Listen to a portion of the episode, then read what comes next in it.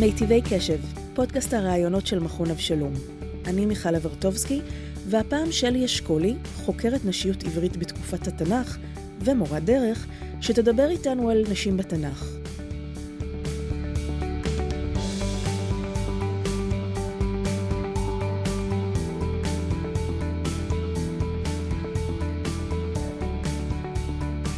שלום שלי. אהלן, כיף להיות פה. שלי, רציתי לשאול אותך, יש לך תחום מחקר שהוא, יורשה לי לומר, קצת איזוטרי? נשים בתקופת התנ"ך? יתרה מכך, נשים שנמחקו מהתנ"ך. מה זה אומר בעצם נשים שנמחקו מהתנ"ך, ואיך את מוצאת אותם בכלל? אז ככה, נשים שנמחקו לגמרי, לצערי, אה, עבדו לנו מה, אה, מהפורמט, אבל יש הרבה נשים שלתחושתי הסיפור שאנחנו מכירים עליהן, אולי קצת נשמט, אולי לא כל הפרטים הגיעו, לפעמים הסיפור uh, קצת עוות, לפעמים השמות כבר נשכחו. כשאני קוראת סיפור על, uh, סיפור של אישה בתנ"ך, לא פעם יש לי תחושה שהיה הרבה יותר ממה שהגיע בסוף לידי ביטוי, מה שעלה על הכתב. כשאת אומרת היה הרבה יותר, על סמך מה את אומרת את זה? כשאני פותחת, uh, הרבה פעמים אנחנו קוראים סיפור על הרצף, תוך כדי נכנסת איזה אישה וממשיכים הלאה, בלי בכלל אה, לעצור לחשוב. למשל, בסיפור של אה, לוט וסדום המתהפכת, אנחנו קוראים על המלאכים שבאים, ועל הבריחה מהעיר, ועל אש וגופרית, ובתוך כל האירועים הדרמטיים האלה, לא כל כך שמים לב שיש, אה, שיש אישה, את האישה, כמובן שאנחנו זוכרים אותה, כי בסופו של דבר כל מי שיורד אה, אה, לים המלח בואכה סדום, רואה את נציב המלח שמכונה אשת לוט. אבל אה, אלמלא המיתוס הזה, ספק אם היינו שמים לב ל... לאישה שמוזכרת בשש מילים בלבד, אפילו שם אין לה. ובעצם מקפלת בתוכה דרמה עצומה. מי זאת האישה הזאת שפתאום מסתכלת אחורה? למה היא הופכת לנציב מלח? אה, למה בכלל, אם היא כל כך אה, חוטאת שמגיעה לה כזה עונש, למה בכלל ראוי אה, לקחת אותה ולהבריח אותה החוצה? עכשיו, אפשר לדלג מעל זה, אפשר לא לשים לב שזה שם, אבל בעיניי כשקוראים בקריאה צמודה ונקייה ופותחים את הסיפור, פתאום מתגלה עולם ומלואו שמוכנס בתוך הדמות הזאת. ולא היה מאוד דחוף כנראה להכניס את זה לתוך הרצף הרגיל של הדרמה. בכל זאת, כשפותחים וקוראים ומגלים את הדמות שלה, נפתח בעיניי עולם שלם, וזו רק דוגמה קטנה. אה, מי עוד, איזה עוד דמות משמעותית יש בתנ"ך שמבחינתך הסיפור שלה לא נפתח מספיק, שהוא לא, לא מספיק חושף את האישיות ואת השפעתה על עם ישראל, אפשר להגיד את זה ככה? אגיד לך, מאחת הדמויות שהכי מרתקות אותי, זאת ציפורה, אשתו של משה, אה, שרובנו אפילו לא זוכרים אה, איך קראו לה. אנחנו כל כך הרבה מדברים על uh, משה, חמישה, ארבעה מתוך חמישה חומשים מוקדשים לו. אנחנו מדברים על משה שהוציא אותנו ממצרים ולקח אותנו ארבעים שנה במדבר. ו, ובקושי שני פסוקים מוקדשים לאישה שאיתה הוא חלק את חייו. שישים שנה, הרבה יותר משהוא מבלה איתנו, הוא מבלה איתה. קשה לי להאמין שהיא לא, שלא לקח גם ממנה. ממה שהיא מלמדת אותו כשהוא מגיע אלינו. עכשיו, כש... כשפותחים את הדמות שלה, מתגלית בעיניי כהנת מדבר מדהימה, אישה מאוד עוצמתית, אמנם לא מהעם שלנו, אמנם מדיינית, אבל כל כך הרבה יש לה בעולם שלה, שכנראה היא חולקת איתו, ועם המטען הזה הוא מגיע אלינו, שמרתק אותי לגלות מי היא הייתה, מה הוא מצא בה. הרי אם אנחנו אומרים שמשה היה אדם משכמו ומעלה, קשה לי להאמין שהוא משתדך לאיזה רועת צאן פשוטה שמעניין אותה רק לחלוב כבשים. אני מאמינה שגם היא משהו לא פחות ממנו.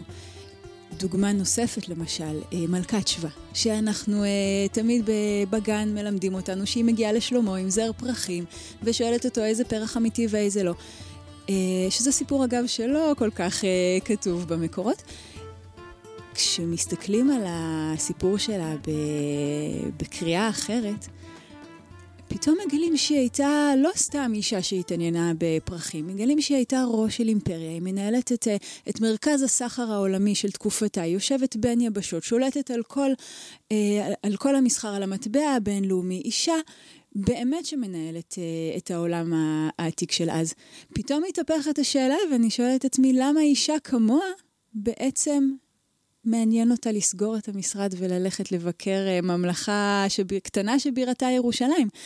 ובכלל, כשאנחנו קוראים, אה, קוראים בספר מלכים ושומעים ששלמה היה כל כך מסקרן והרבה מלכים מגיעים הלוך וחזור ומשלחות יוצאות ונכנסות מהארמון.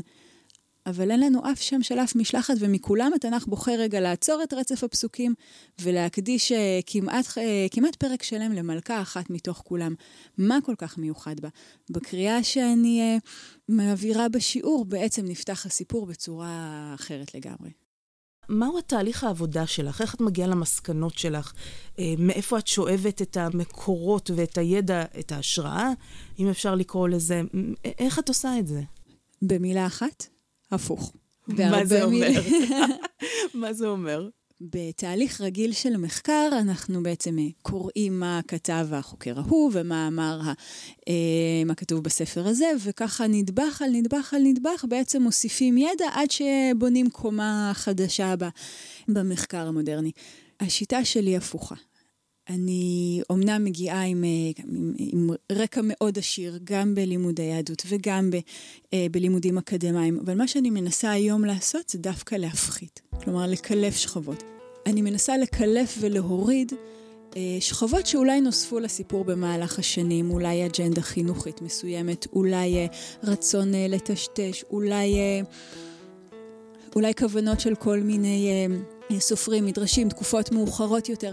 אני בעצם מנסה לקלף את מה שנוסף, ולא פחות חשוב, לקלף את כל מה שנדמה לנו שאנחנו יודעים. זאת אומרת, הרבה פעמים אנחנו ניגשים לסיפור מתוך איזושהי אה, מחשבה שאנחנו כבר מכירים, שאנחנו יודעים מה קרה שם, שאנחנו מכירים את הדמויות, ובעצם אנחנו כבר לא פנויים לראות מה באמת אה, התרחש.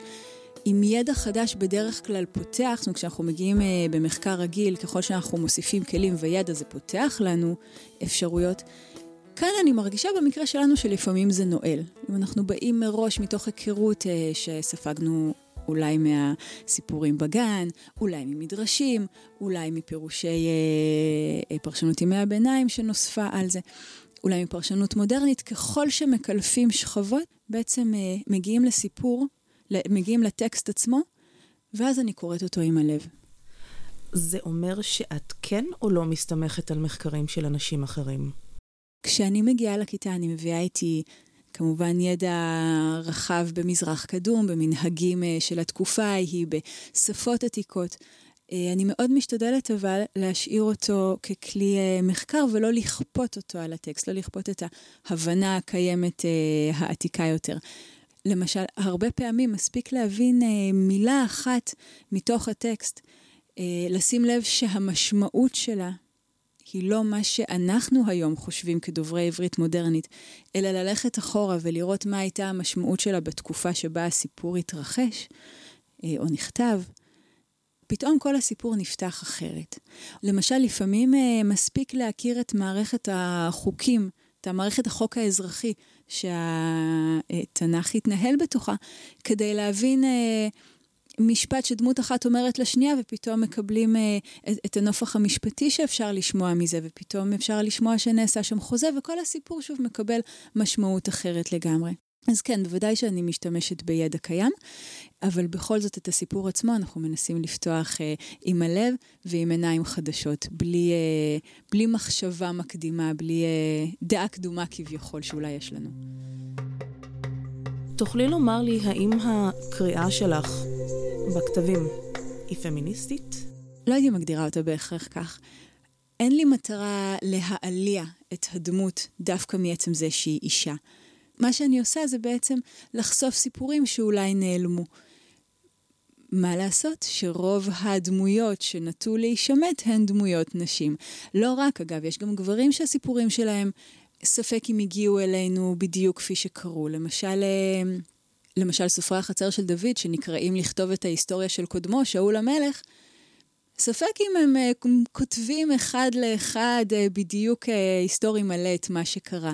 זאת אומרת, לא כל הסיפורים שהגיעו, זאת אומרת, לא כל סיפורי הגברים הם מדויקים בהכרח, וסיפורי הנשים עברו עריכה. אבל יוצא שאני מתעסקת בסוף בסיפורי נשים, כי מה לעשות, הן נמצאות מהצד הלא נכון של המגדר הכותב, לפחות בתקופה ההיא.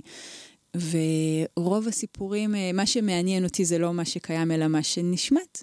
ויצא כך שרוב מה שנשמט שייך כנראה למגדר מסוים מאוד. אגב, לא למעמד מסוים. זאת אומרת, יש המון אה, נשים שאני עוסקת בהן, אה, והן שייכות לכל, אה, לקשת רחבה של מעמדות. חלקן ממש בשוליים, חלקן נושאות משרות מלוכה. יש לנו את עתליה, שהיא מלכה ממש, יש לנו את דבורה, שהיא שופטת.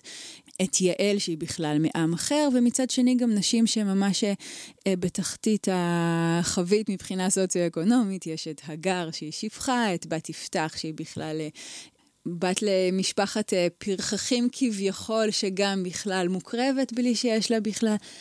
למשל, תמר של יהודה, שנחשבת זונה מלכתחילה. הנשים באות מכל סוגי החברה, המשותף לכולנו שהן שייכות למגדר הנשמט. שלי, מה דעתך על המחשבה הזאתי? את מוצאת שהנשים התנ"כיות עומדות בזכות עצמן, או שהן באות כעזר כנגד הגבר שסביבו סובב, סובב הסיפור המרכזי?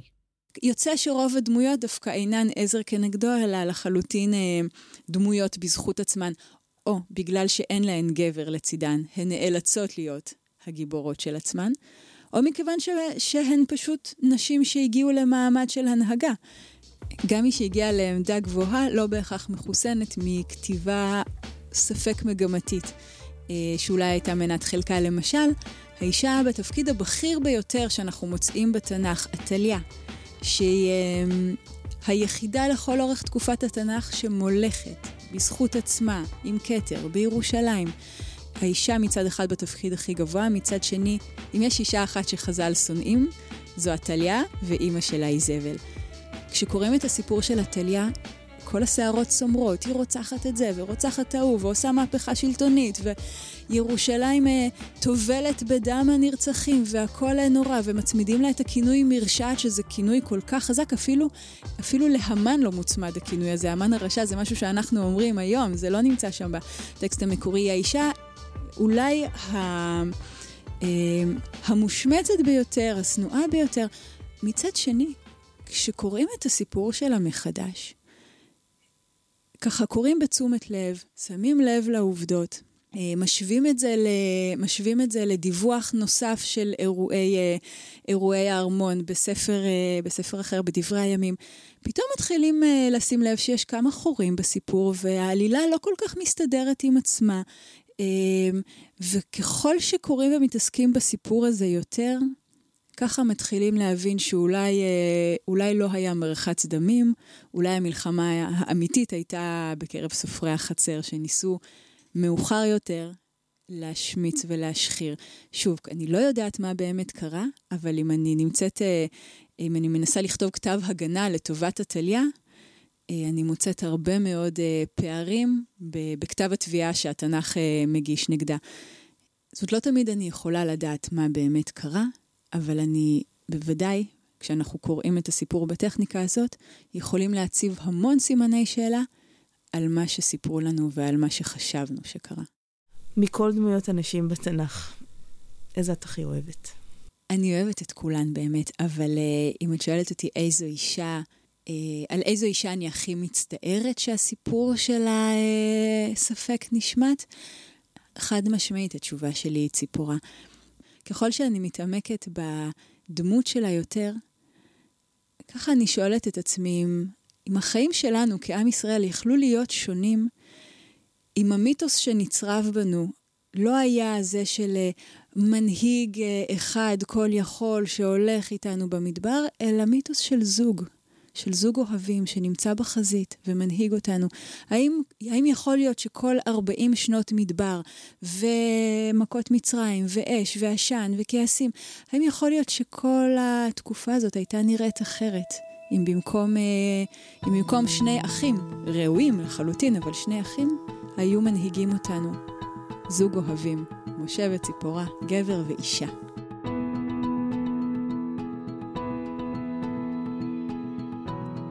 זאת הייתה שלי אשכולי, שדיברה איתנו על נשים בתנ"ך. אם אהבתם את שלי, תוכלו לשמוע אותה מרצה באחד מהקורסים הרבים של מכון אבשלום. לעוד רעיונות מרתקים עם מרצה המכון, תוכלו לפנות לאתר שלנו. פשוט תקלידו מכון אבשלום בגוגל, אנחנו התוצאה הראשונה שתתקבל. תודה לשלי, לצוות המכון ולמכללת BPM. אני מיכל לברטובסקי, ניפגש במכון.